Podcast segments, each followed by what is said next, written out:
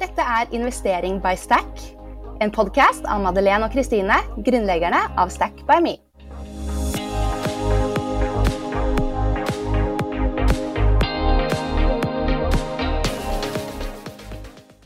Podkasten er sponset av 247 Office, som er favorittregnskapssystemet vårt.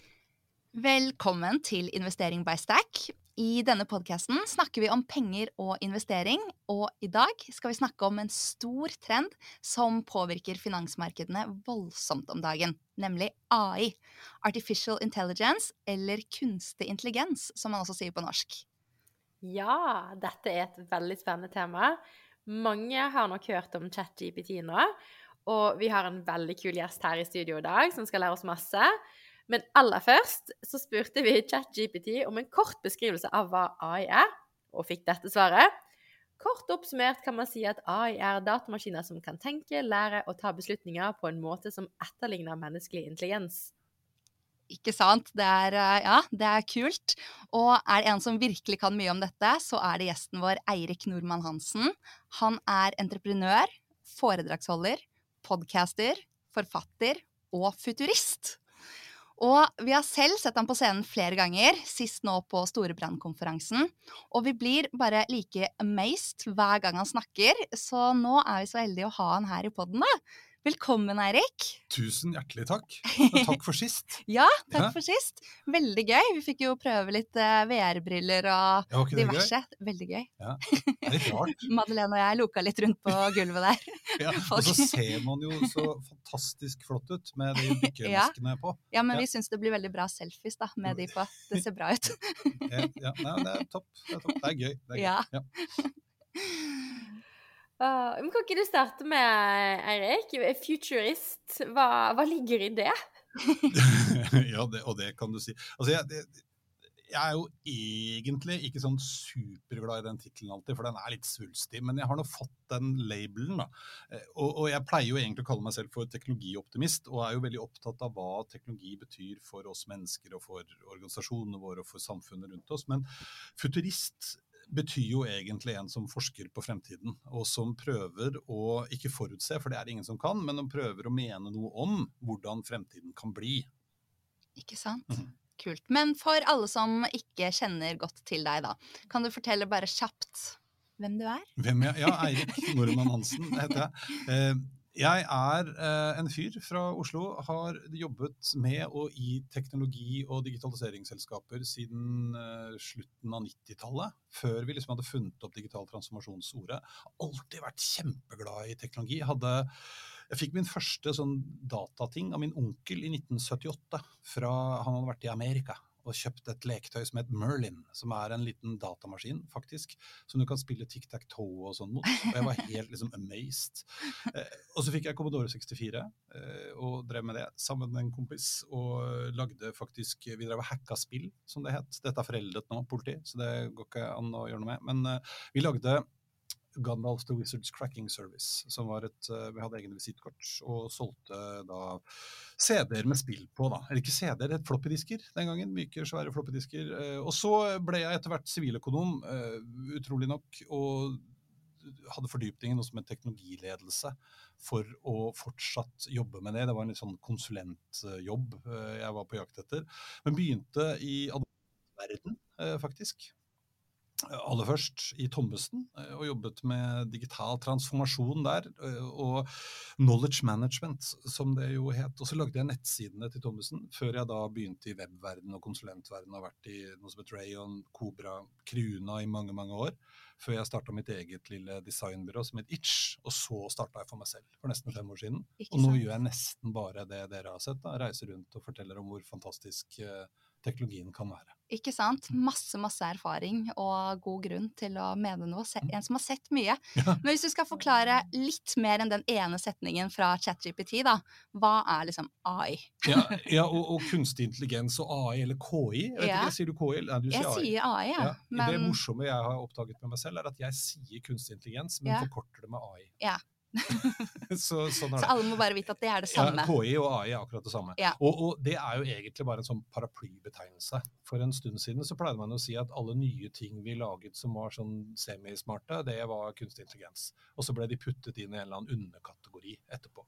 Eh, Men den definisjonen som dere fikk, det er jo den, den gjeldende. Eh, Jeg pleier å støtte meg på en professor Morten Gudvin, han doktorgrad i, i kunstig intelligens, og han sier også det samme at det er eh, er når intelligent oppførsel skjer i en, et ikke-biologisk materiale, som en del av et dataprogram eller i en robot. Intelligens innebærer i denne sammenhengen kompleks problemløsning.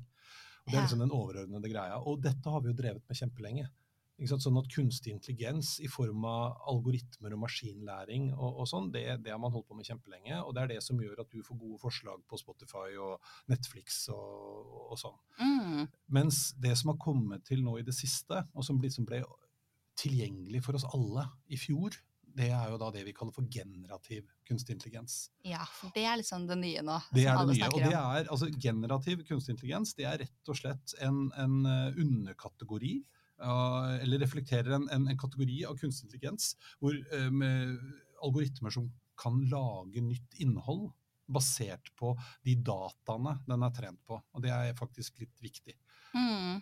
At det er de dataene den er trent på. Og, og ChatGPT, som du snakket om, den er Mhm. trent på et utvalg data som er ganske strengt styrt av OpenAI, som er selskapet bak uh, ChatGPT, og som de eh, bruker for å lære den til å bli god på å lage språk. Det er jo det, Ja. altså lage tekster. Det er Ikke det den er god på. Ja, ikke sant? For Ja. det er jo også litt sånn, hva er egentlig ChatGPT for de som ikke har fått med Ja. seg det helt, da? Ja, og, og hvis vi da, ikke sant, Generativ AI, i motsetning til den tradisjonelle AI-en som vi kjenner, som er veldig god på å f.eks. kjenne igjen mønstre. Dette har man jo brukt i aksjeanalyse lenge.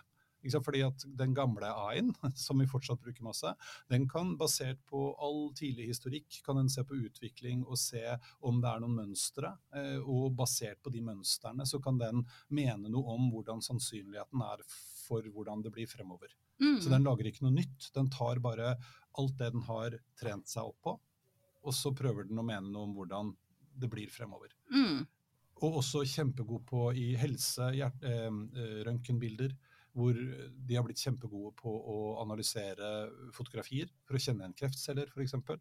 Og kan da hjelpe til med å se om ting med ganske stor sannsynlighet er en kreftcelle eller ikke en kreftcelle. Ja. Mens generativ AI den bruker da treningsdataene sine, eh, og så tolker den den teksten, eller den prompten, det er jo nesten blitt et nytt uh, norsk eh, ord, Ja. eh, som beskriver det jeg har lyst til at den skal uttrykke, f.eks. i form av et bilde.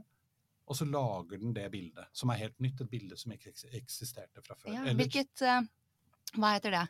det, og det er det program eller plattform man kan bruke til det. Hvis vi skal holde oss til OpenAI, da, som Ja. er liksom selskapet bak ChatGPT, så har Ja. de også noe som heter DAL-E, eller DAL-I. Ja, det er de som har det, Det er- også. ja. Så det er det samme. Og det er jo da for å generere eh, bilder. Mm. Og i tillegg til å lage helt random bilder, sånn som jeg gjorde når vi møttes på foredrag, så skrev jeg noe sånt som eh, 'A man dressed in black', jeg går alltid sort, det er meg. uh, on a stage talking about the future of technology eller noe sånt, in front of a group of professional business people. Ja. Da lagde den et bilde basert på det. Ja. Og så kunne jeg også si at det bildet skulle lages som om Vincent van Gogh hadde malt det.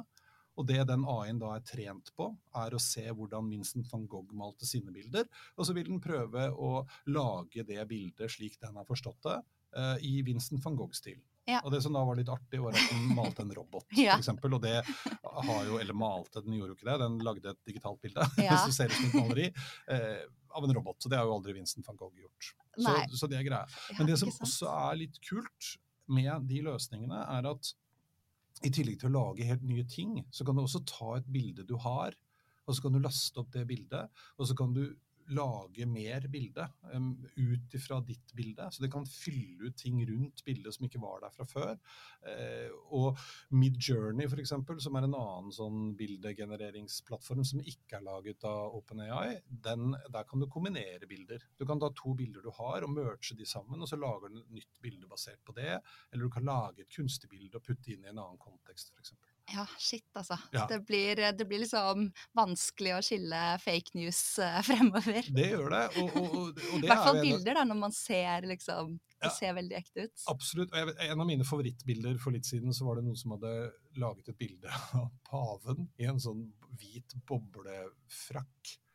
Det er veldig veldig morsomt. Og det er ikke noe tvil om at det er paven. Og Ja. han, har en, ikke, han ser ut som den verste hipster et eller annet. Ja. Ja. Og, og det blir vanskelig. Ja. Og, og det er jo en av de tingene vi må jobbe med, og det bruker man jo også kunstig intelligens til. da, For Ja. å etter hvert avdekke hva som er sant, og hva som ikke er sant. Ja, ikke sant? Mm. Ja, for det er det.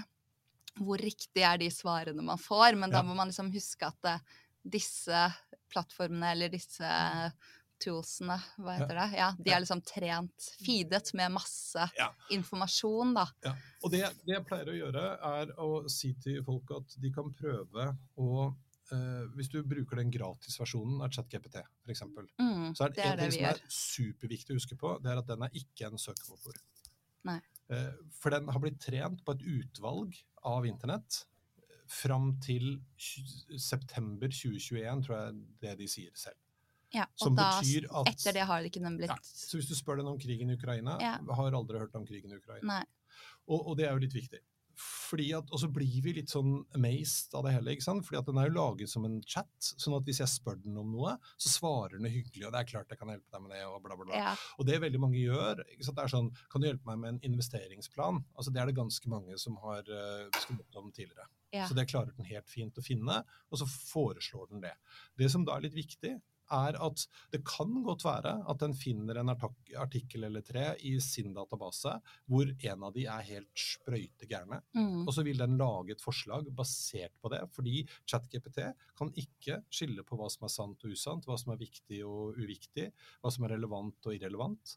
Den vil bare prøve, basert på det den finner, som ser ut til å være noe av det du lurer på, i en kontekst som du prøver å, å få den til å beskrive, eh, Ja. lage, bruke det som utgangspunkt. ja Sånn at det må man liksom aldri, aldri, aldri bare stole blindt på det som kommer ut Det er ikke Google, liksom. Nei.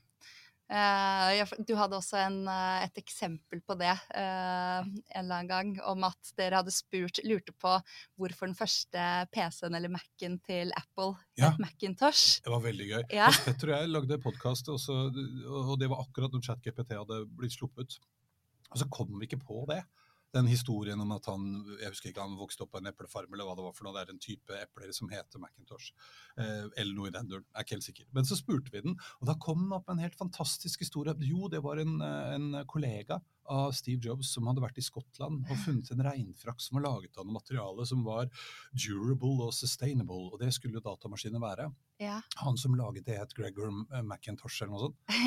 Og alt derfor- dette var bare tull? Nei, ja, det vi har funnet ut i ettertid, er visst at det er sånn delvis historien om et eller annet regntøymerke som er sant, men det har Ja. ingenting med Apple å gjøre. Nei. Men han het tilfeldigvis Macintosh. Ja. Og det kunne den gang da være nok til, for den fant, første den fant, Macintosh, sikkert derfor, finne på noe annet, Steve Mm. Jobs har jeg hørt om, og så dikter den i vei. Ja. Og det er litt viktig. Ja. Så, så et, en test som jeg pleier å, å be folk om å, å gjøre, eller for å illustrere dette, er at hvis du spør ChatGPT om eh, hvem er, altså navnet ditt, så svarer den stort sett alltid at eh, jeg kan bare ting fram til bla, bla, bla. Vet ikke noe om dette er ikke en kjent person, så det vet jeg ikke. Ja. Og så tar du en ny chat, og så spør du kan du dikte opp en historie om Eirik Normann Hansen, eller navnet ditt. Og det har jeg gjort det på. Kjempegøy. Jeg har vært sjørøver, og jeg har vært eh, polarforsker og fjellklatrer. Og da skriver du en kjempelang, fin historie Ja. som er bare sprøyt. Ja. Ja, så det, det er liksom til å skape tekster og Ja, og det, ikke sant, som jeg viste dere også, så, så kan du ta en tekst du har, en artikkel du har, be den lage en kortere versjon av den, Ja. komme med forslag til nye overskrifter. Det går også an å be den om, hvis ikke du klarer, altså du kan ta den overskriften du har og be den om å lage fire varianter, eller så kan du ta og paste inn hele teksten til artikkelen din, og så be den om å lage en overskrift som passer til den artikkelen, som er spesielt rettet mot folk i finansbransjen. Så Ja. vil den prøve det. Ja. For det er den konteksten og de tingene som den er god på. Og da Ja. bruker den jo din tekst som utgangspunkt. Ikke sant? Det er egentlig akkurat det sånn vi Vi har begynt å teste det litt, Ja. vi også. Ja. Så hver uke når jeg skal lage disse newsletterne som vi sender ut, så bare skriver, kopierer jeg inn hele teksten fra newslettere, og så spør jeg gi meg, gi meg fem overskrifter som passer til dette, som er liksom gi meg best opening rate. Mm. Og så gir den meg fem, og så velger jeg eh, den jeg liker best, Ja, ja. da. Og det har jo Eh, vi har liksom gått fra nå 40% åpningsrate til 50% åpningsrate. Så det er jo på en måte enklere, fordi man slipper å sitte og tenke selv. og bare Noen, noen ganger er man ikke kreativ til å bare Man kan bruke lang tid på å komme på en skikkelig engasjerende overskrift eller et emne. Og så ja, så enklere og bedre resultat, da. Ja. Så Og så, så pleier jeg også å si og, og være veldig sånn altså Jeg oppfordrer folk til, hvis du skal bruke det profesjonelt, så bør man også betale de 200 kronene eller hva det er for noe, 20 dollar tror jeg det er i måneden. ja, fordi for at forskjellen på ChatKPT 3,5 og 4 er helt enormt stor. Eh, Man måler dette her i sånn, noe man kaller for parametere, som er en slags sånn, tenk deg en hjerne med hjerneceller, på en måte. Mhm. Den gamle versjonen hadde 176 milliarder parametere, og ChatGPT 4 hadde 1000 milliarder, eller 100 trillioner. Oh. Og det er sånn, Begge tallene er helt vanvittig svære, men det ene er mye større enn det andre. Ja. Man forventer at neste versjon skal ha dobbelt så mye som det igjen. Vi Mm. har faktisk et abonnement, Kristine. Um, James har et abonnement, ja. Så jeg må bare rette litt på det. Ja. På tekken vår så betaler vi. Ja, ikke ja, for vi bruker det til kode også. Ja, og det Ja. er jo, For det har man jo brukt lenge. Eh, Ja. Utviklere. Og det Ja. er jo helt fantastisk. Ja. Jeg snakket med et, uh, gjorde en jobb for et stort IT-selskap i Sverige, og de har satt dette i system, og de mente å kunne bevise at de hadde blitt mellom 20 og 30% mer effektive i utviklingen. Fordi de nå systematisk brukte dette både til å komme med forslag, til å Mm. validere kode, og til å dokumentere kode. Mm. Men, men det jeg også skulle si, som er litt spennende med den nye betalte versjonen, i tillegg til at du får tilgang til fireren, er at man nå også har plugins. En egen sånn plugin-butikk gjennom ChatGPT, hvor du kan legge inn bl.a. det å ø, lese URL-er, eller internettadresser. Og den kan lese da PDF-er og Word-dokumenter og, og PowerPoint-presentasjoner og hva det enn måtte være. Og det syns jeg er helt fantastisk. Før i dag så skulle jeg til eh, å holde foredrag et sted hvor de hadde gitt ut en svær rapport. Og da kunne jeg paste inn lenken til den, be den om å lage et kort sammendrag og trekke ut de fire viktigste tingene. Og så får jeg det på norsk, så slapp jeg å lese det på engelsk. Ja. Hallo, det, det er jo helt fantastisk. Og det er helt fantastisk. Og det er jo det som også er blitt litt sånn omdiskutert i skolen også, Mm, mm. fordi man ja, Ja. man kan jo få alt nå. Man, man kan det, men, men samtidig så Og her syns jeg det er litt gøy med, professor Gudvin igjen. fordi at Ja. han mener jo, og er veldig enig med han, og det er en annen fyr også, som jeg nå ikke husker hva heter, som driver en podkast som heter uh, Rekk opp hånda, tror jeg. Han er lærer. Og mener at her har vi bare muligheter. Ja. Og så må vi tilpasse oss de mulighetene. Fordi at Hvis det er veldig viktig for deg å teste liksom, huskekunnskapen til elevene, da er det bare å ha sånn vanlig prøve da, med penn og papir. Det er Ikke vanskelig i det hele tatt. Mm. Hvis de skal skape forståelse, så gjel, spiller det ingen rolle hvilke hjelpemidler de bruker. Før brukte de Google, nå får de litt hjelp av dette i tillegg. Da Mm. får de gjøre det, da lage en presentasjon, ha muntlig, og så kan vi stille de spørsmålene etterpå. Så, så Mm. dette er egentlig, tror jeg, fremtidens læring. Og det er jo en av de tingene som OpenAI sier selv òg, som de virkelig satser på. Det å gjøre kunnskap tilgjengelig for folk, fordi man kan tilpasse det der du er, da, i forhold Mm. til din kompetanse. Virkelig. Det er spennende. Det er veldig spennende. Mm. Men, men igjen, altså, generativ AI i utgangspunktet noe som lager nytt innhold basert på data den har øvd på. Og så Mm. blir den tilgjengelig til mer og mer. Og nå kommer det integrerte løsninger. Google kommer med sin egen versjon som blir en del av Google søk etter hvert. Microsoft har investert shitloads i, i OpenAI og bruker ChatKPT ChatGPT som en del av Bing. Og der er det en egen plug-in allerede. Og da får du plutselig tilgang til nyere informasjon.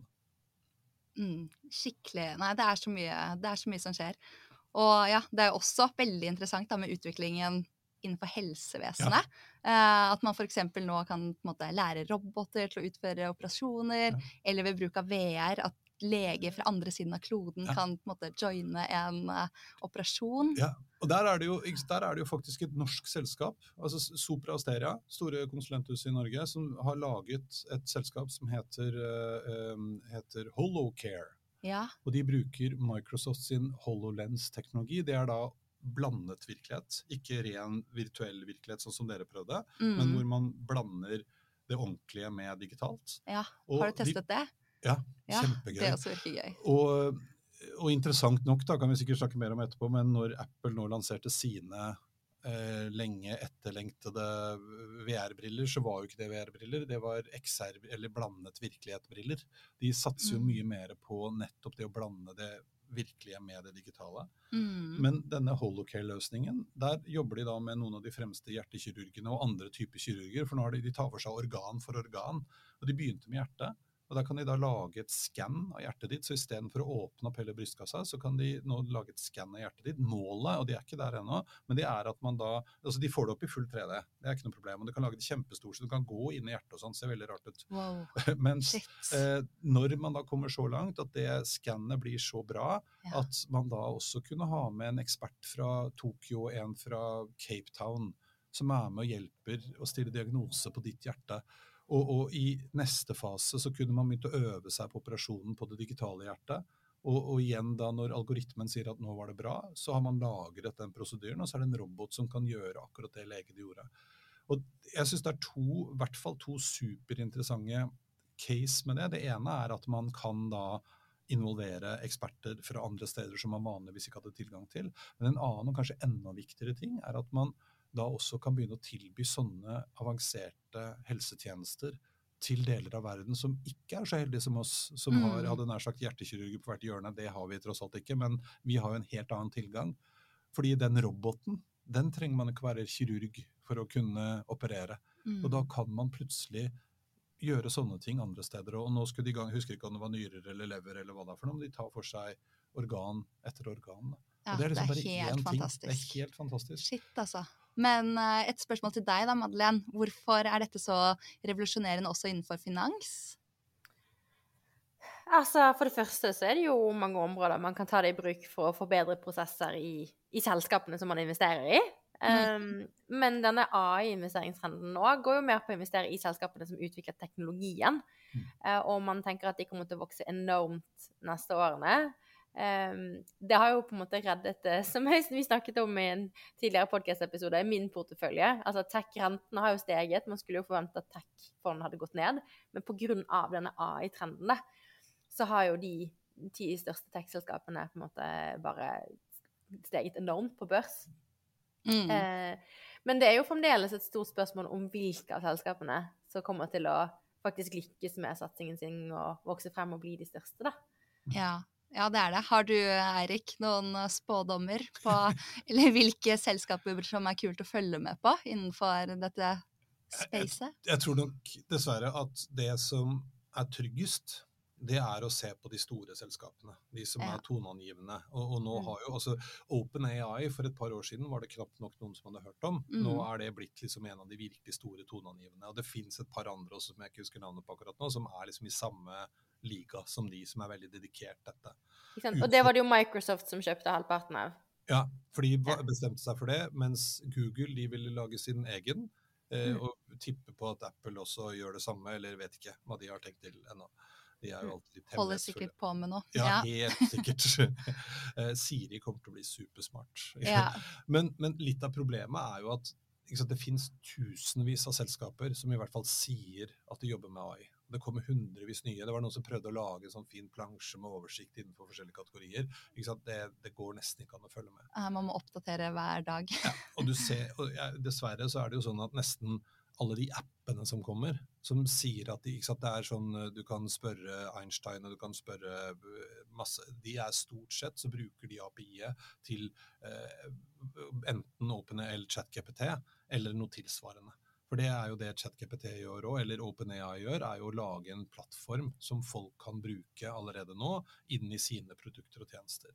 Mm. Så, så Og det blir jo kanskje også litt sånn selvforsterkende, for nå har vi begynt å bruke ChatGPT, Mm. så alle feeder jo den med info hele tiden, Hele sånn at den ja. blir smartere og smartere. Ja. Så det er vanskelig å på en måte ta igjen. De får jo et forsprang sånn De- sett. Det gjør de absolutt. Samtidig så er det jo også en del selskaper som har sagt at, eh, og særlig norske og nordiske og europeiske, som forbyr bruk av ChatGPT fordi at det er et amerikansk selskap, tror jeg. Ja. Og dataene du sender av gårde, hvor havner de?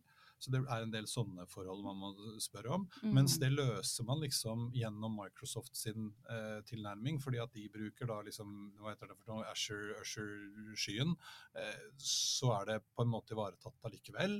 Eh, og sikkerhet, og, så det er masse sånne spørsmål. Men jeg tror det man kan følge med på, er altså de store aktørene, hva de gjør. Helt åpenbart. Eh, Men så tror jeg at sant, det å finne sånne som, som Holocare og eh, selskaper som virkelig gjør litt viktige, alvorlige ting, da, Mm. de kan være gøy å, å følge etter. Mm. Og så kan man etter hvert også, for det finnes det sikkert noen steder man kan spørre om, og sjekke ut om de faktisk bruker AI eller ikke. Jeg lurer på, med fare for at jeg nå husker feil, men jeg lurer på om det var Innovasjon Norge som kom med en liten rapport for det er et par år siden, før generativ AI ble det skitt, liksom. Mm. Så uh, fant man ut at det var bare 30% av de startupene som sa de drev med AI, som faktisk drev med AI. For veldig Mm. mange driver med algoritmer, og det er superavanserte greier, men det er ikke eh, intelligens. Det, det er eh, hva heter det for noe? Den, den, eh, den if-setninger. Ja. Regler. Ja. Og det er noe annet som kan være superbra, Mm. men det er ikke kunstig intelligens. Så man må holde tunga litt rett i munnen der Ja, også. man må det. Mm. Det er eh, ikke sant. Men eh, ja, vi var jo litt inne på det, da, om man kan bruke AI til investeringsstrategi. Ja. om dette på en måte Man skulle jo tenke sånn ah, Er dette den krystallkulen vi alle har ah, ventet på? Ja. Jeg tror, hvis det hadde vært det, så hadde jo noen allerede blitt ganske Og det er sikkert noen som har truffet, for det er jo noen ganger den er ganske lur. Eh, Ja. Og særlig nå som den begynner å bli en del av mer oppdatert data, så er det klart at eh, den kan være god den på å gjøre analyser Plutselig som så- sammendrag. Så treffer du liksom. Så kommer den med noe Ja. Men- jeg spurte da eh, eh, Hva var det jeg spurte da? Eh, hva burde jeg investere i de neste seks månedene? Mm. Og så fikk jeg liksom Som en AI-modell kan jeg ikke gi spesifikk økonomisk rådgivning eller forutsi nøyaktige investeringsmuligheter. Investeringer innebærer risiko, og det er viktig å gjøre grundige undersøkelser før du tar investeringsbeslutninger. Ja. Så det var ganske Ja. sånn rigget og Og dette her er jo sånne ting som stadig vekk dukker opp nå fordi at OpenAI, selskapet bak, de vil jo ikke bli stilt til ansvar for noe som helst. Nei. Så med en gang man begynner å spørre om sånn Investere i tech. Ja, ja. AI er det Så- nye. Men det de ofte gjør, er jo at du får en sånn type disclaimer først, og så Men Og så kommer det så kommer det noen ja. greier allikevel. Bare spørre mer og mer og mer. Bare feede den med Med flere ting. Da kan man begynne å påvirke. Absolutt. Og hvis du bruker fireren, da, så, og bruker den eh, Bing-pluginen, så vil du jo potensielt få eh, nyere og mer oppdatert informasjon. Ikke Men jeg sant? tror jeg ville vært litt forsiktig med det. Det den kanskje kan lære deg noe om, er jo liksom hva betyr det å investere, hva er risiko, altså en del av de tingene rundt. Og så må man nå huske på da at ChatGPT er ikke en søkemotor, har vi snakket om allerede, og det Ja. er en språkmodell. Ja. Den er forferdelig dårlig på matematikk, eksempel. Den klarer basic ting, men eh, ikke, det er ikke det den er laget for. Sånn at den, for den å gjøre en veldig tung analyse i seg selv, er, tror jeg ikke jeg ville stolt på. Nei. Og innenfor nettopp det, så er jo faktisk den, den gamle AI-en bedre. Den har jo man jo brukt allerede for å se på uh, utviklinger, om det er uh, kursutvikling for enkeltselskaper eller segmenter eller bransjer eller hva nå enn det måtte være, over tid.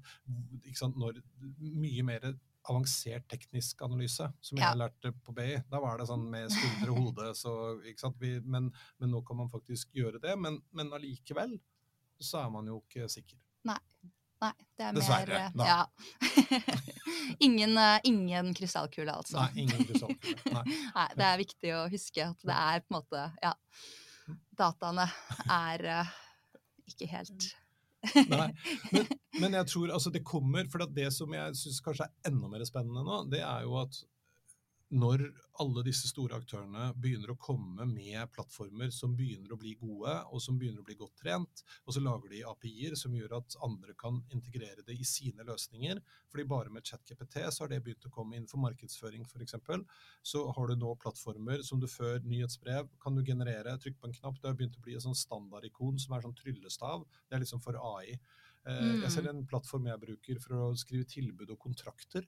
Så, Mm. så når jeg da har laget ferdig kontrakten og skal sende den til kunden, så henter den jo dataen fra kunden i CRM-systemet, og så kan du trykke på den knappen, og så foreslår den e-postteksten. Ja. Kjære deg, nå har jeg her er- Ikke sant? Så, Ja. Sånne ting kan du få hjelp til. Tilpasse uh, inn i CMS-løsninger eller nettbutikkløsninger, hvor den kan tilpasse teksten på produktbeskrivelser basert på hvem som faktisk ser på de. Altså Sånne type ting mm. kommer det nå som en kule. Og det, det samme med Det er jo helt uh, Ja, det er jo helt faktisk uh, Innenfor marketing Mm. så er det jo helt revolusjonerende. Og og det jeg tipper på kommer nå etter hvert, det er også profesjonelle verktøy for å trekke ut den viktigste informasjonen fra årsrapporter og kvartalsrapporter. Ja. Eh, sammenstille, sammenligne, utvikling over tid. altså En del sånne ting som kombinerer den tradisjonelle kunstig intelligensen og generativ AI, bare for å gjøre det mer lesbart for meg. Jeg får det inn i et system hvor jeg kan nærmest snakke med min assistent. ikke sant, For jeg opplever jo det, men man må aldri glemme at det er en den. Den har ikke blitt verken en han eller hun eller hen eller noe annet enn den. Det er fortsatt bare en datamaskin. Ja. Uh, og det er matematikk og sannsynlighetsberegning som ligger til grunn, bare at denne er innmari god på å lage språk. Mm. Mm. Nei, skikkelig, skikkelig bra. Man kan bli mer effektive, skjønner jeg. Bare få med seg alle årsrapporter. Jo, men tenk på det. Og, og jeg tenker jo at det er jo det her vi må teste ut nå. Ja. Det er jo nå man har muligheten til å øve. Ikke Ja. sant? Å prøve og se hva skjer hvis jeg gjør sånn. Det som er gøy, som jeg pleier å gjøre når jeg kjeder meg, er jo når jeg da skal lese en sånn kjempelang døll-rapport, så kan du få den til å skrive den på rim. Eller som om du er en sjørøver, er min favoritt. Da kan du lage et sammendrag av denne årsrapporten fra Equinor som om du var en sjørøver. Og da skriver den det i sånn sjørøvermetafor, og det er fullt forståelig. Og det er kjempegøy. vi som er litt sånn utfordrere, Madeleine, kanskje vi skal begynne å bruke litt sånn sjørøverspråk. Ja. Ja. ja, men vi pleier jo å prøve å skrive sånn eh, fondsbeskrivelser i venninnespråk. Ja, Så kanskje vi skal be ChatGPT om det? Men Jeg det, tenkte på akkurat det samme, faktisk. Bare feede inn alle ja, sånne naver, holdt jeg på å si, som vi har, og så bare få det på normalt språk. Ja, men gjør det. For det er jo faktisk en av de tingene som ChatGPT er kjempegod på. Ja. Hvis du ber den om å skrive en ting som eh, for andre eksperter, så bruker den masse ekspertspråk. Hvis du ber den om å skrive noe for folk som ikke er eksperter, så bruker den enklere språk. Mm. For det er den Mm. kjempegod på. Jeg pleier å skrive noen ganger også sånn at mora mi på 80 forstår det.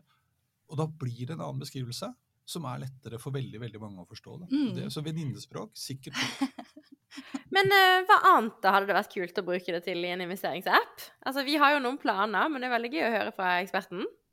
Ja, altså I, I deres app tenker du på, så kunne man jo brukt den også for å lage de samme, altså basert på det dere feeder inn. Ikke? Deres saker, deres analyser, deres hva nå enn måtte være. På en måte, Kanskje du til og med kunne lagd en greie så jeg kan velge at jeg vil ha dette beskrevet på venninnespråk, eller eh, som å være sjørøver, eller ikke-ekspert, eller altså, sånt. Det, det Ja. kunne man gjøre. Eh, og jeg er helt sikker på at når dere følger med nå, så, så kommer det til å komme løsninger i noen av de plattformene dere bruker for å sende ut nyhetsbrev, for å følge opp kunder, for å altså, gjøre disse tingene, hvor det blir en del av det. Hvor man kan bruke det for å gjøre ting enda mer tilgjengelig. fordi tilbake igjen til altså Det alle burde gjøre, egentlig, kanskje ikke alle, men mange, det er å gå inn og se på den videoen. Det er en video som OpenAI har laget, hvor de forklarer liksom bakgrunnen, tanken med hele sitt initiativ. Og en av de tingene er nettopp kompetanseheving. For det, at det å kunne eh, presentere innhold på en måte som er tilpasset forskjellige brukergrupper uten å selv måtte skrive det om, det er den fantastisk god på. Mm. Og her kunne du jo nesten ha lagt inn også sånn, jo mer jeg bruker appen deres, og jo mer inn i gamet jeg blir, og jo mer dreven jeg blir på finanssjargongen f.eks., så kunne jeg jo økt graden av eh, ekspertspråk eh, f.eks. Sånn at det begynner skikkelig for dummies. Jeg kan ikke noe. eh, Og får det presentert superenkelt. Etter hvert som jeg blir mer stødig og mer erfaring, så kan jeg kanskje uppe gamet litt på, på innhold og forståelse eh, i språket. Mm. Ja, det er jo virkelig det vi på en måte ønsker, da. Å skape en dynamisk app som ikke er lik, lik for alle. Ja. Det kommer an på hvem er det man følger. Eh, så jeg vil jo få forslag. Du burde følge disse. Dine venner eh, kjøper disse fondene. Eh, sånn at for alle vil jo det være forskjellig, Ja. i motsetning til de tradisjonelle bankene, da, som Mm. ofte der går man jo inn, og så ser appen helt lik ut for alle. alle Ja. Eh, så liksom alle sånne her ting er det vi bare skal satse masse på fremover, da, for å personalisere, egentlig, da, og Ja. tilpasse. Ja, og det er jo det som har blitt så fantastisk. ikke sant? Nå plutselig så får vi mulighet til å gjøre en del av de tingene som vi har snakket om og drømt om ganske lenge. Eh, Det går an å programmere inn i løsningene nå, basert på denne type teknologi. Og, og det samme, jeg viste jo en annen gøyal tjeneste som heter Tome, eh, som lager presentasjoner. Ja, Den med er- slides og sånn. Ja, den lager ferdig slides. Den, den bruker også da for ordens skyld OpenAI sin plattform. Så det er da ChatGPT og OpenAI, nei, Dalé eh, for bilder. Og så skriver du bare inn en tittel. Og så lager den da en presentasjon basert på det. denne kan du gjøre enda mer sofistikert. Her kunne man tenkt seg at jeg fòrer den med masse kjedelige, svære rapporter. Eh, få det presentert på åtte slides for meg, basert på min portefølje f.eks. Mm. Jeg kan lage, og igjen hvilket nivå jeg vil ha det på. da. Om jeg vil ha, ikke sant? Noen syns sikkert det er gøy. Kan jeg velge cyberpunk eller pop art-illustrasjoner istedenfor kjedelige corporate-bilder? Og så får jeg tilsendt en presentasjon basert på min portefølje og nyheter om de selskapene. Gi meg en investorpresentasjon som vil garantere 30 millioner investering. For eksempel. Forsiktig med å garantere det, men eh, ja, som gjør det lettere. Ja. Men sånne Da- ting tror jeg vi kommer til å se ganske mye. Da kan vi begynne å slappe av litt mer, Madeleine. Mm. Ja, en gang til. Hva het den plattformen, sa du? Tome. Tome.ai. Ikke sant? Kult. Kjempegøy. Og det er OpenAI. Det, de bruker, det er ikke de som har laget den. Nei, og det her er et sånt eksempel. Ja. Det er et annet selskap som bruker masse tjenester, bl.a. OpenAI sine. Ja. Eh, og du har masse funksjoner. Jeg viste jo bare fram slides. Du kan lage one-pagere, du kan lage bare bilder, bare tekst. Men den bruker da de verktøyene i et litt finere grensesnitt, rett og slett. Ja, Mm. herlighet. Og den er, altså, men til å lage presentasjoner òg, utrolig kul. Ja. Ja. Shit, altså. Mm. Hallo. Det er, alle må jo bare For man tenker sånn Hvem er dette for? Liksom? Må, er det bare, bruker man det bare i profesjonell sammenheng? Men det er jo liksom Og det er jo veldig mye det, eh, Ja. for å effektivisere. Ja. Men det er mye man kan eh, Jo, men jeg tror også at sant, hele den der, Du var inne på det i stad, for at det der å være kreativ på bestilling er ikke alltid så lett. Nei. Og det jeg vet en del både tekstforfattere og også designere har begynt å gjøre nå, det er at ikke sant, jeg har fått en brief eller jeg har en idé. Jeg skal lage et eller annet, jeg har noen stikkord. Begynne med det. For det å begynne med blanke ark er forferdelig Mm. vanskelig. Og så begynner man med det, så får du kanskje fire bilder. Det er ikke sikkert det er de du skal bruke, men du har de som et slags utgangspunkt, en Mm. inspirasjon. Du kan få en tekst du kan bruke. Kanskje du bare har skrevet noen stikkord eh, ned om bla, bla, bla, sånn og sånn, skal snakke om dette, trenger bli Og så får du den til å lage et utgangspunkt som Ja. du kan begynne å bearbeide. Og det er den kjempegod på. Ja. Og for veldig mange en kjempehjelp. Ja. Og dette kommer jo også nå, ikke sant. eh, Både Microsoft og Google holder jo nå på å gjeninnføre Google, nei, Microsoft skal jo gjeninnføre eh, Clipit, tror jeg den het. Det var en sånn utrolig irriterende bindershjelper som vi hadde på 90-tallet eh, i Office-pakka. Som Ja. var en sånn figur som dukket opp, og den skulle liksom gi deg, hjelpe deg med å gjøre ting mer effektivt. Alle hata den, for den var helt fullstendig idiot. Ja. Nå kommer den tilbake. Eh, Google har demonstrert det samme med en Ja. sånn type assistent som du kan skru på når du har videomøte f.eks.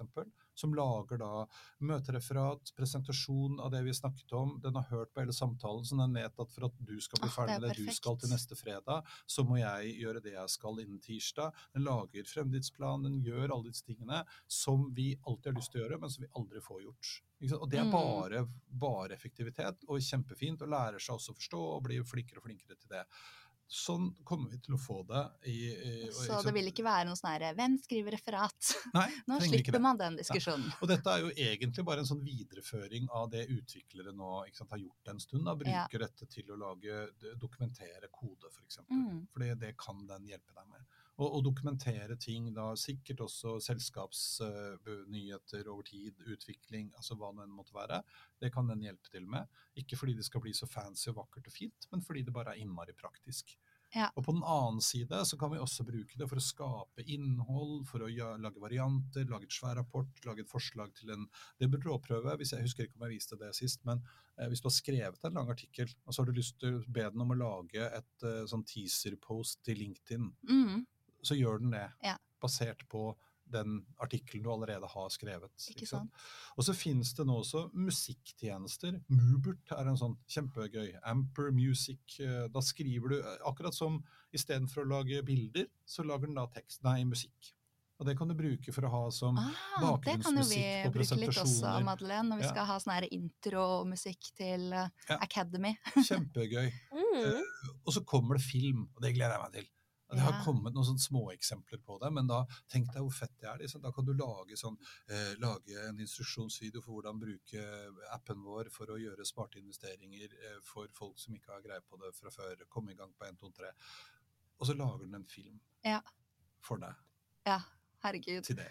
Og eh, jeg har testet bare kjapt da med sånn derre Hvis jeg eh, legger inn eh, Det er vel i Captions, en, en app som jeg bruker veldig mye til å teksting Ja. eh, på videoer. For det, det brukte jeg veldig mye tid på før. Da måtte man jo faktisk skrive alle tekstene eller alle ordene manuelt, og så legge på timing og bare sånn superlang redigeringsjobb. Men nå bare vi Bare laster jeg opp filmen. Og så kommer den med liksom forslag til tekst, da. Ja. Så man må jo lese gjennom. For ja, det blir jo Ja. Vi har jo hatt eh, våre runder med ting som har vært litt morsomt, som det har kommet med som forslag. Men, eh, men Men var det oil and gas ble orgasme? ja.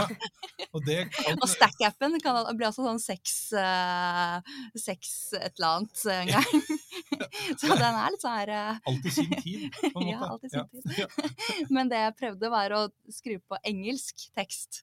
Eh, Eller at de da skulle den filmen når jeg snakker, da skulle jeg snakke engelsk. Ja. Og da eh, redigerer den faktisk sånn at liksom munnen min At det hører, ser ut som jeg snakker engelsk, og Ja. at lyden blir på engelsk Ja. med min stemme. Mm. Men det var jo skikkelig Ah. sånn eh, Jeg tror jeg sendte deg den, Madeleine, men det var sånn utrolig britisk. Utrolig sånn Det hørtes ikke helt ekte ut, da. Nei, Men det hadde jo vært veldig praktisk etter hvert hvis vi lager masse sånne filmer, eh, og bare kunne bare omtrent feedet inn en tekst, og så bare si Nå kan jeg lage en film på dette. Ja, det, men den, når jeg lagde den presentasjonen, så sa jeg jo at nå kan jeg gå og ta en kopp kaffe, for Ja, så kan dere høre på min digitale alter ego.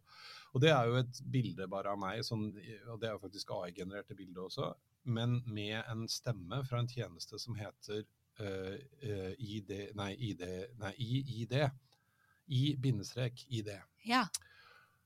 Og den mapper da bare opp ansiktet, og så kan jeg skrive inn den teksten jeg vil. Ja. Og så velger jeg, for da har de Norwegian, og så var det en mannestemme som het Finn. Eller jeg kunne lastet opp min egen stemme, altså bare tatt opp det jeg skulle si, og så vil den da mappe opp ansiktet, og så ser det ut som det er det animerte hodet som snakker.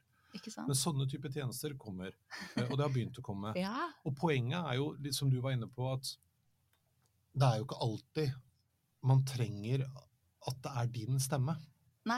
Hvis det viktigste er at jeg nå kan lage veldig fort eh, fire varianter, en på norsk som jeg lager sjøl, en på engelsk, en på tysk og en på italiensk, så får jeg hjelp til det. Og det funker som bare fy.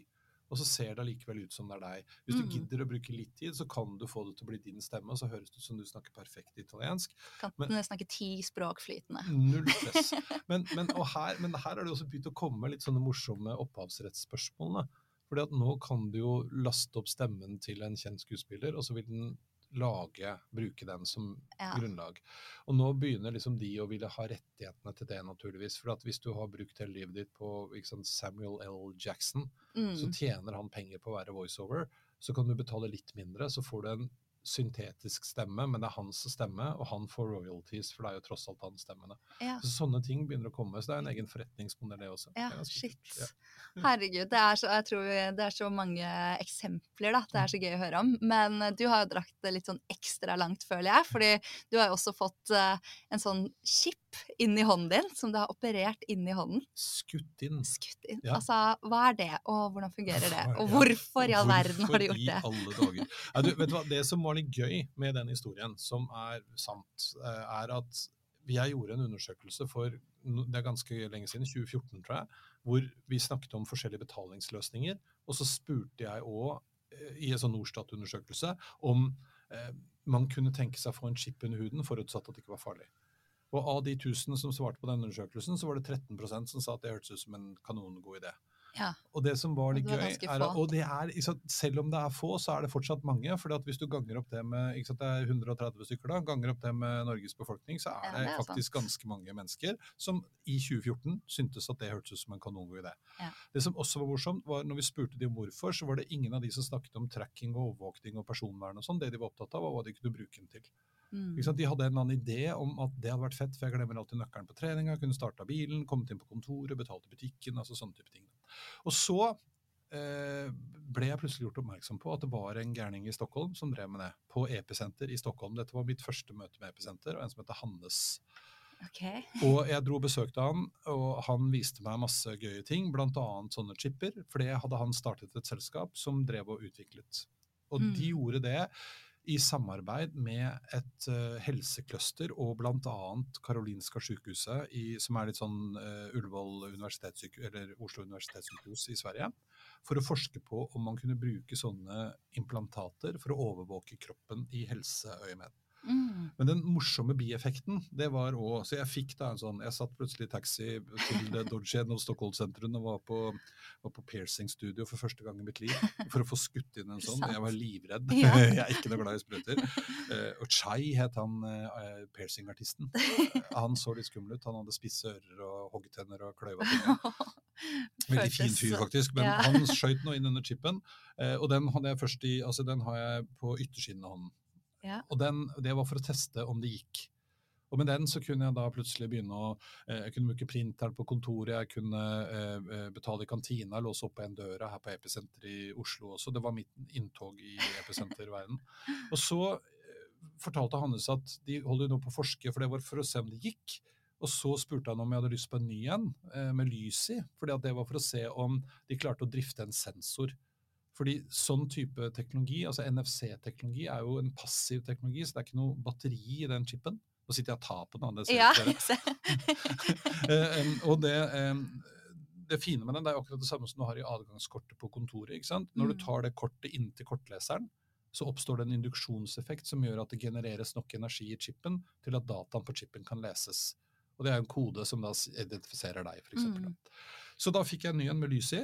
eh, og så var neste steget, når de fikk til det, kjempefint, det var å lage en med sensor. Eh, og det har jeg fått nå, så den har jeg her. Å herregud, du har to nå? Jeg har fire. Å å ja. Ja. Det, for du har ikke tatt ut igjen de gamle? Nei, Nei. jeg er ikke så glad i sånne ting. Og da spurte de vil du ta ut den gamle, og så spurte jeg hvordan gjør dere det, og så beskrev de det. Og så sa jeg kan den ikke bare være der, da? Den gjør jo ikke noe skade der den er. Nei. Så den eh, orket ikke det. Nei. Men så den, den her, som jeg har da rett under kragebenet, den har en temperatursensor, og den kan jeg skanne med telefonen min. Da aktiveres den, tar litt lengre tid. Så tar den tempen, og så lagres det i en app, og det er bare hos meg. Og da er vi plutselig inne i sånn edge computing og security, og etter hvert så skal de da bruke maskinlæring for å se på utviklingen av min temperatur ut ifra min baseline, for det interessante sånn medisinsk er avvikende, ikke akkurat hva jeg har i temp. Og da kan man plutselig begynne å bruke dette for å forutse om jeg er i ferd med å bli syk eller ikke. Ja, å ja, herregud. Så du er er liksom med på en sånn litt sånn forsknings... Ja, ja, ja. Det er det som er kult. Ja. Ja. Og, og, og det de, målet deres er å lage da en chip som har både temperatur, O2-metning, puls Jo, og puls. Og med de tre tingene så er det veldig, veldig mange sykdommer man kan overvåke. Ja. Og da enten fordi du har en sykdom som man ønsker å ha kontroll på. For det er litt som med aksjekurser. Da kan man se at hvis liksom, temperaturen din begynner å svinge litt, sånn og sånn, og hvis eh, O2-metningen svinger litt sånn og sånn, så kan det tyde på at du er i ferd med å få et eller annet. Det andre morsomme og litt interessante use caser, det er mange, for her er man også tilbake igjen til sånn at man da plutselig kan tilby helsetjenester i deler av verden som ikke er så heldige å kunne gå Mhm. til doktoren når som helst. Eh, og det andre som jeg syns var litt søtt på en måte, da, det var hvis du har gamle foreldre som bor på en liten øy langt utafor Lofoten, så kanskje de kan få bo der et par-tre år til, fordi man da kan overvåke deres helsetilstand på avstand. Det syns jeg er litt kult. Ja, Så, men det gøye er jo at jeg kan dele ut visittkortet mitt. Ja. Ta opp telefonen, skanne meg, så får du visittkortet. Det var det jeg gjorde første gang eh, jeg snakket med deg. Så det her, men det handler jo litt om å tørre hånden. ja, ikke sant? Og jeg tror jo at altså jeg tror ikke nødvendigvis at implantater blir van, altså alle har det, og det får du enten vil eller ikke, men jeg tror det kommer til å bli langt vanligere enn ikke. Ja, for man Eh. tenker jo litt sånn her, ah, men da kan noen bare kappe av meg hånda, og så Ja, og det syns jeg er så gøy, at det er det første folk tenker på. Det er flere som har sagt det. Ja. For så tror du virkelig det? Nei, men det er- jo litt sånn, sånn som med Face ID, da. Man kan jo fremdeles også bare eh, slå deg ned eh, Ja. og ta telefonen foran ansiktet ditt. Ja. Det går an. Jeg tror at det, ja, noen kan kanskje gjøre det. Jeg, jeg ser for meg at den hånden da, som du skal ha med deg rundt omkring for å betale med, den blir litt ekkel etter Ja. hvert. Ja, Ja, jeg tenker også at eh, hvis noen hadde sagt de kapper av meg hånden hvis ikke jeg gir deg de passordet mitt, så hadde jeg sikkert gitt de det skriftlige passordet mitt anyways. Ja, men jeg skjønner, jeg skjønner tanken. Og, men, men poenget er i hvert fall igjen da, at man da plutselig kan bruke teknologi på en utrolig nyttig og spennende måte. Og hvis man begynner å kombinere disse store teknologiene da, Dette er jo bare en sensor som samler inn data. Når man har data, så kan man begynne å bruke kunstig intelligens på det, eller algoritmer, for å se på mønstre. Det er jo det den gamle varianten og den vi bruker aller mest er veldig god på, nemlig å se mønstre og gjenkjenne mønstre, og da kunne begynne å, basert på det, predikere om du har det bra eller ikke har det bra Mm. eh, fremover Ja. i tid. Kombinere dette med andre ting. Det kule er at den er jo også da nå eh, appen deres, den har jeg da koblet til eh, Apple Health-appen. Sånn at Ja. jeg får da også inn kroppstemperatur, som andre må liksom ta tempen for å få til. Ja, Det får jeg sjekke. automatisk, fordi jeg bare tapper Men er det sånn at du kan liksom logge deg inn et eller annet sted på denne appen og bare legge inn eh, Instagrammen din og liksom styre det litt selv? Nei, du kan ikke. Det hadde vært gøy. Ja. Du dele det. Det, det, Ja. nei, det tror jeg ikke du kan, faktisk. Foreslå det, det for dem, da. Jeg husker jeg fikk en sånn derre Whittings lagde en sånn vekt. Den har jeg, nå, jeg har blitt sånn bodyscan er det nå. Med, jeg går på hver, ikke hver dag, men den veier deg, og det er eh, hva er det for noe, O2-metning og vekt og uh, muskelmasse og fettmasse, og det er ikke måte på. Eh, og der kunne du før koble den til Twitter-kontoen din. sånn at hver gang du veide det da, så twitret den sånn nei. Eirik har veid seg, og nå veide han 87,2 kilo. det var frivillig, da. Ja. Men eh, altså, dette er jo helt sykt spennende, vi kunne jo snakket om dette i timevis. Ja. både Kristine og jeg har jo investert i iPhone i Stack-appen, som vi lanserte for en liten måned siden. Ja. Den har jo allerede steget med 17 Mhm. um, Vi recorder jo nå 20. juni, så det kan jo være annerledes når denne episoden går live, men sånn er det hvert fall ståa akkurat nå. Det skjer utrolig mye på denne fronten, og ja, verden utvikler seg raskere enn noen gang, merker vi. Så her gjelder det å henge med. Virkelig. Det er, eh, ja, det er så mye gøy. Og ja, vi får eh, Det går mot slutten her, så vi må avslutte. Men tusen, tusen takk for masse bra info, Eirik. Bare hyggelig. Og jeg håper virkelig at alle som har lyttet, har fått litt bedre forståelse for bare AI, hele dette spacet, hvor stort og omfattende det er og kommer til å være fremover. Og vi oppfordrer virkelig alle til å bare begynne å teste litt. Eh, dersom du ikke har gjort det ennå, så bare finner du helt sikkert en måte som kan gjøre ting enklere for deg selv. Så ja, virkelig. Ja. Sjekk ut det, og sjekk ut AI-fondet, eller Tech-fondet, som også er proppet med masse AI. Og altså, for all del, hvis det er Google og Microsoft og Apple som skal ta over AI-verden, så er det jo også Funker det med global indeks? Mm, Så- det er stort, mye av det der òg. ja. Så ja, det kan man gjøre hvis man vil ha litt økonomisk eksponering mot dette feltet også. Ja, ja, men det, det er veldig spennende. ja, la oss eh, si det sånn for denne gang. Tusen takk. Ja. Tusen takk for at jeg fikk komme. Ja. Ha det bra! Ha det.